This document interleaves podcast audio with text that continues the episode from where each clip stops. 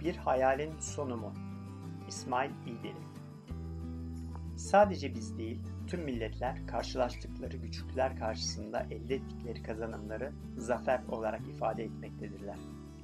Bireysel ve toplumsal farklılıklardan dolayı bu kavramın algılanması çeşitlilik gösterse de sözlüklerde savaşta veya bir yarışma ve uğraşıda çaba harcayarak elde edilen başarı tanımlaması yapılmaktadır.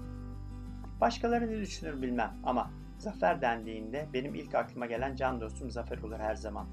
Hemen arkasından da 30 Ağustos Zafer Bayramımız.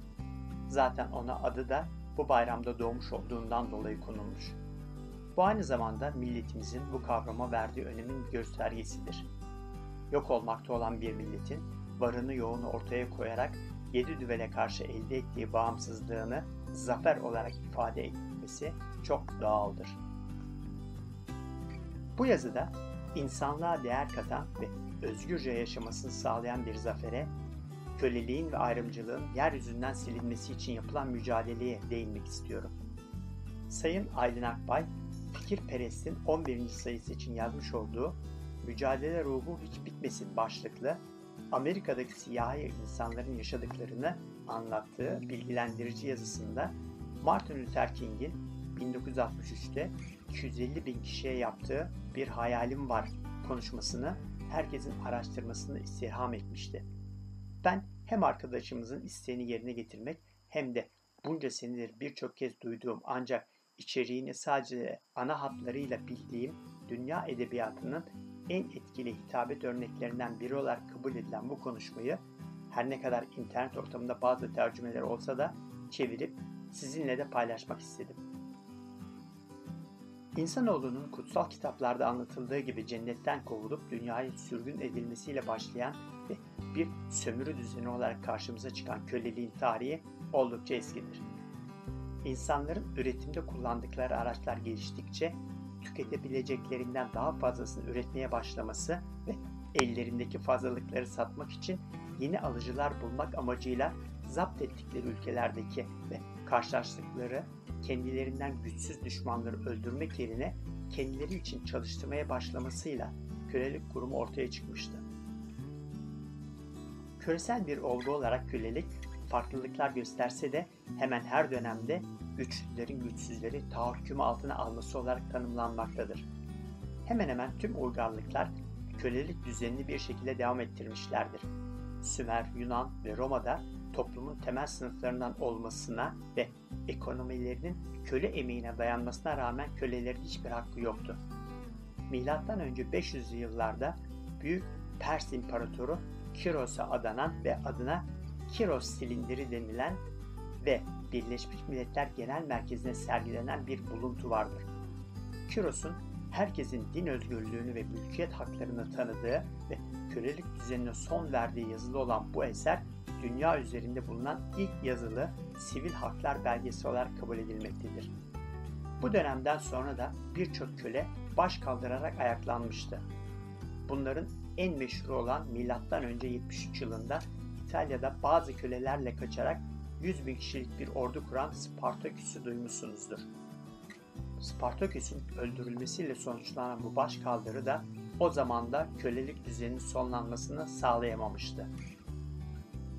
Bu yazının asıl konusunu ise Atlantik köle ticareti olarak da adlandırılan Afrika yerlilerin Amerika'ya götürülerek büyük çiftliklerde kendilerini satın alan sahipleri tarafından çok zor işlerde sadece karın tokluğuna çalıştırılmasına karşı çıkarak diğer Amerikalılar gibi sivil haklara kavuşmak için verilen onurlu mücadele sonunda elde edilen zafer oluşturmaktadır.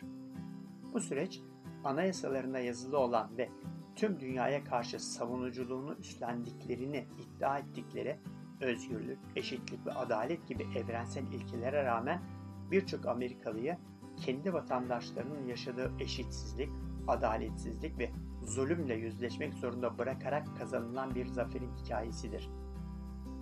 Köle ticaretinin başladığı 15. yüzyılın sonundan 19. yüzyıla kadar devam eden sürede sadece siyahlar değil, melezler ve kızılderililer de hukuk karşısında mal statüsündeydiler.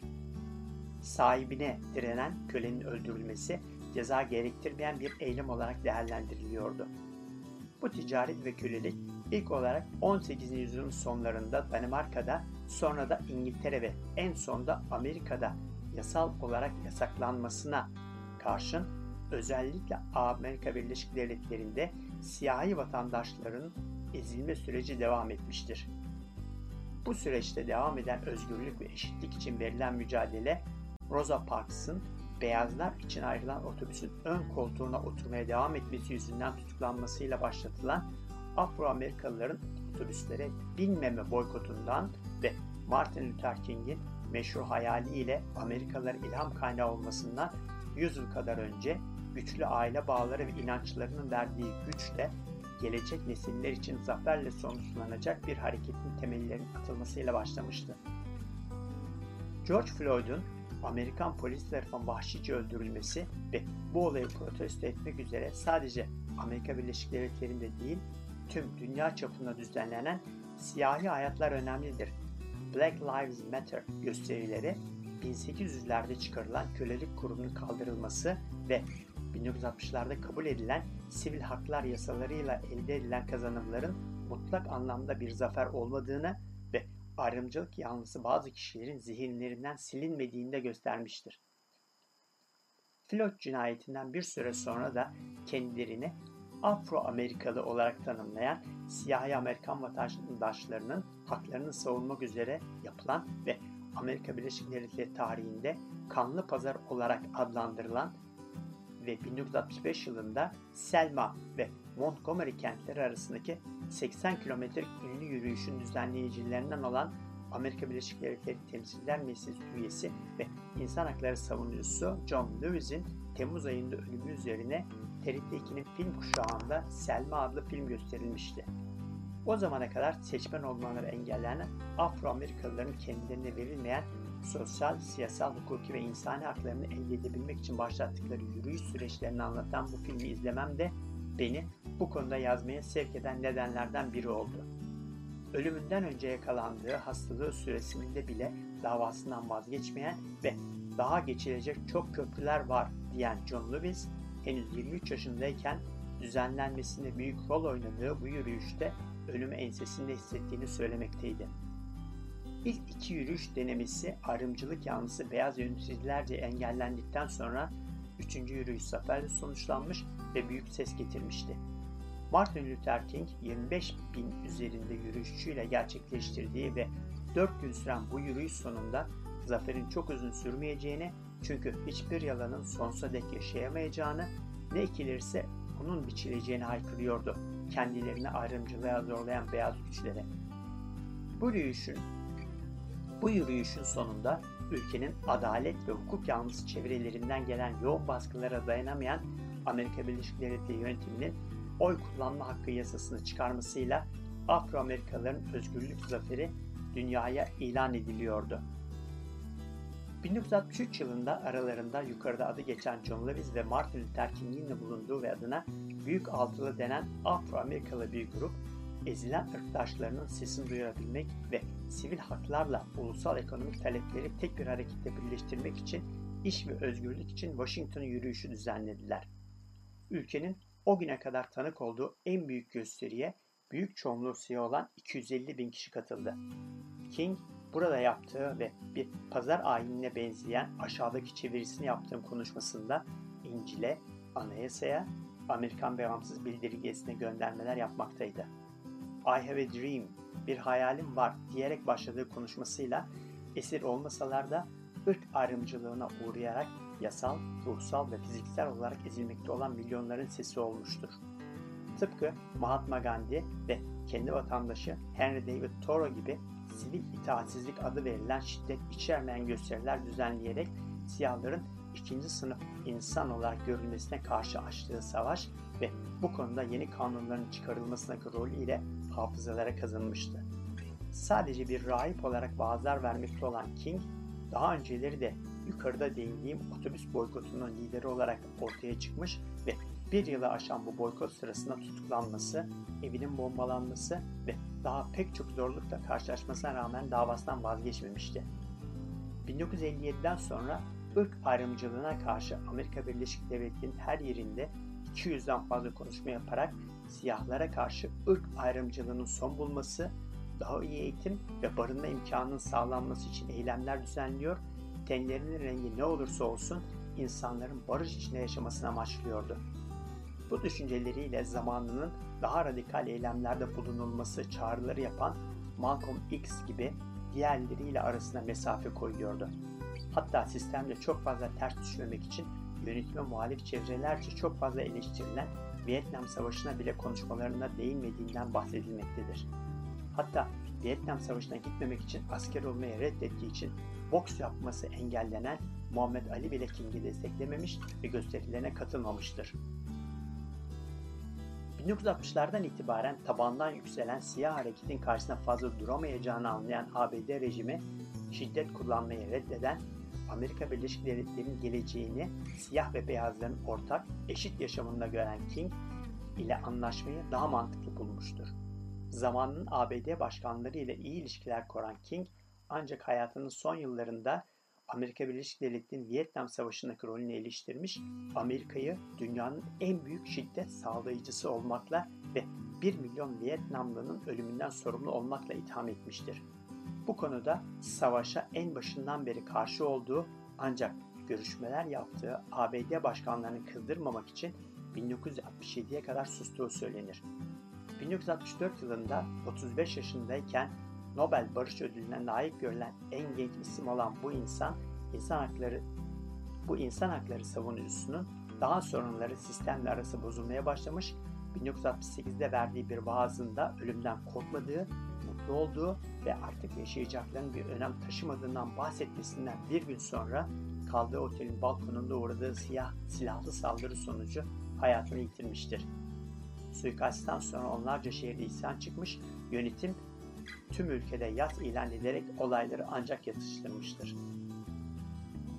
Bir grup insanın ABD'nin köleci, ırkçı geçmişiyle yüzleşerek kendisini temize çekme figürü olarak kullanıldığını değerlendirdiği King'in anılarına, heykellerine, onur madalyalarına ülkenin her yerinde rastlanmaktadır.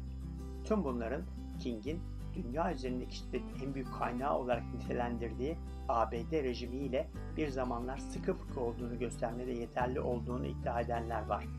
Ama kim ne derse desin o birçok Afro-Amerikalı için gerçek özgürlüklerine kavuşmalarını sağlayan bir kahraman hala. Yüzyıllar süren kölelik ve köleliğin yasal olarak kaldırılmasından sonra da ayrımcılık ve beyazların hakimiyetiyle karakterize edilen ve yüzlerini siyah boyayan beyazların köle kültürünü alaycı bir şekilde karikatürize ettikleri bir halk oyunu karakteri olan Jim Crow sistemi olarak adlandırılan hukuk sistemiyle savaşı kazanan bir lider olarak kabul ediliyor tüm dünyada. Benim siyahların bu mücadelesiyle karşılaşmam ise 1970'li yılların başında oldu. İlkokula başladığım ilk yılda. Bir gün öğretmenimiz bize sinemaya gideceğimiz için ertesi gün gelirken yanımızda 50 kuruş getirmemizi söyledi. O güne kadar sinemanın sadece adını duyan biz çocukların neşeyle bağırışmaya başladığımızı hatırlıyorum. Ertesi gün gidip seyrettiğimiz filmin adı Tom amcanın kulübesiydi.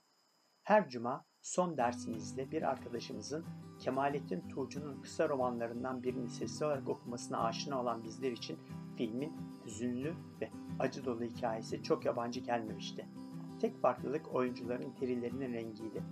Güçlü, kuvvetli, ama yüreğinde hiçbir kötülük olmayan Tom amca ve diğer zencilere o zamanlar zenci kelimesinin olumlu çağrışımları henüz yoktu ya da biz bilmiyorduk. Çok acımış ve sevgi duymuştuk.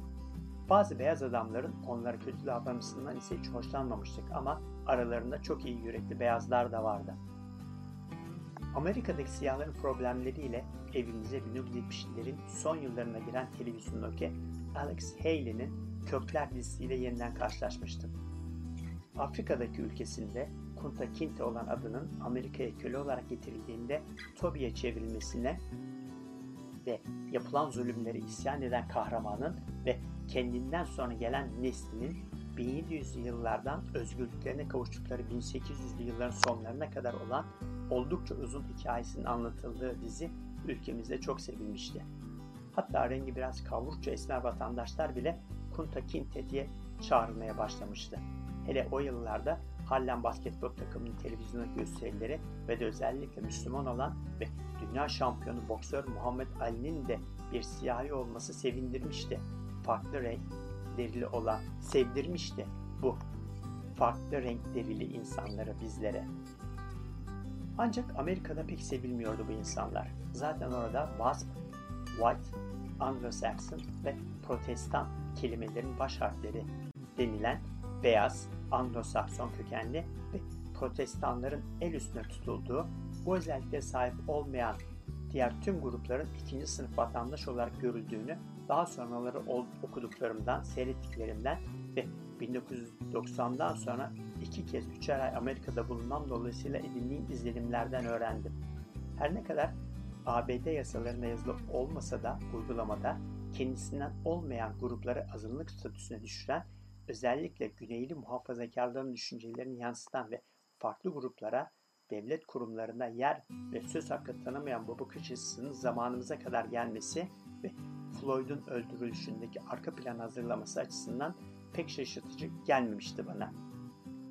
Her ne kadar kendilerini Afro-Amerikan olarak tanımlayanlar bu WASP terimini What a stupid person, ne aptal biri olarak yorumlasalar da Amerikan başkanlarından ikisi hariç John F. Kennedy ve Barack Obama hepsinin WASP kavramına tıpatıp uyduğu da bir gerçektir. Siyah-beyaz ayrımcılığının genellikle Amerika'nın güney bölgelerinde rastlanması da 1860'lı yıllarda kölelik aleyhtarı kuzey ile geniş tarım alanlarını işlemek için kölelerin emeğine ihtiyaç duyan güney arasına çıkan ve kuzeyin galibiyeti ve köleliğin kaldırılması sonuçlanan iç savaştan 150 yıl sonra bile halen bir çekişme içerisinde olunduğunu göstergesidir. 1991 ve 2002 yıllarında ABD'de bulunduğum dönemlerde durum çok farklı değildi. Görev yaptığım ortam dolayısıyla gözlemleme olanağı bulduğum Ordu Komuta Kademesi'nde beyazlar, alt kademelerinde ise istisnalar olsa da Afro-Amerikalılar ve diğer göçmenler bulunuyordu. Yaşadığım misafirhane yönetim birimlerinde beyazlar, temizlik birimlerinde ise siyahlar ve İspanyol kökenler çalışıyordu. Kuşlar gibi uçmayı, balıklar gibi yüzmeyi öğrendik. Ancak kardeşçe yaşamayı unuttuk diyen King'in bir gün dört çocuğunun da derilerinin rengiyle değil de kişilikleriyle yargılanacağı bir ülkede yaşayacaklarına dair bir hayali vardı. Bunu sağlamak için de şiddete başvurmadan mücadele etmeyi önermişler herkese. Ona göre yaşamımız önem verdiğimiz olaylara karşı sessiz kaldığımız gün son bulmaktadır. Yaşadıkları göstermiştir ki her türlü özgürlük hiçbir zaman zalim tarafından gönüllü olarak verilmemiş ancak mazlum tarafından talep edilmiştir.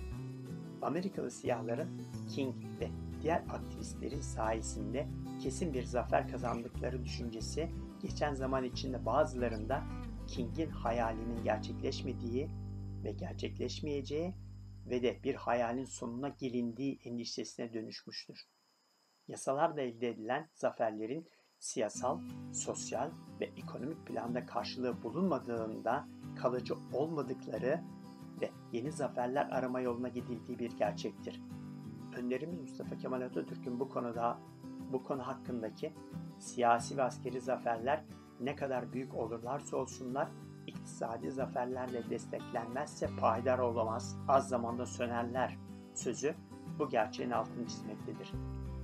Yeni zaferleri gerek kalmadan herkesin hayal ettiği bir ortamda özgür, mutlu ve barış içinde yaşayacağı bir dünya temennisiyle yazımı Martin Luther King'in bir sözüyle bitirmek istiyorum. Sevginin gücünü keşfetmeliyiz. Kurtaran sevginin gücünü. Ve biz onu keşfettiğimiz zaman bu yaşlı dünyayı yeni bir dünya haline getirebileceğiz.''